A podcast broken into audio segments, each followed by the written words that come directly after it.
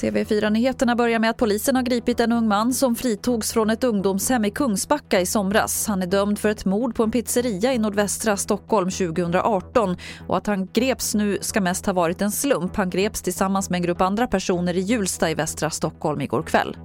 Så till USA där den tillträdande presidenten Joe Biden presenterade ett enormt stödpaket i natt för att få fart på landets ekonomi. Förutom åtgärder för att få fart på vaccinationsprogrammet så vill Biden satsa motsvarande tiotusentals miljarder kronor för att stötta den amerikanska ekonomin. Det mest ögonenfallande är alltså kontantstödet på motsvarande nära 18 000 kronor till varje vuxen amerikan. Frågan är nu om Biden och Harris lyckas med att baxa sitt stödpaket genom den amerikanska kongressen. För även om deras demokratiska parti kontrollerar både senat och representanthus så är det ju fruktansvärt mycket pengar det handlar om. Reporter här var Jonas Björk.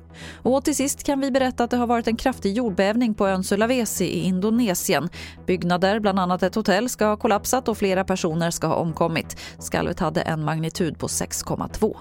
Det var det senaste från TV4 Nyheterna. Jag heter Lotta Wall.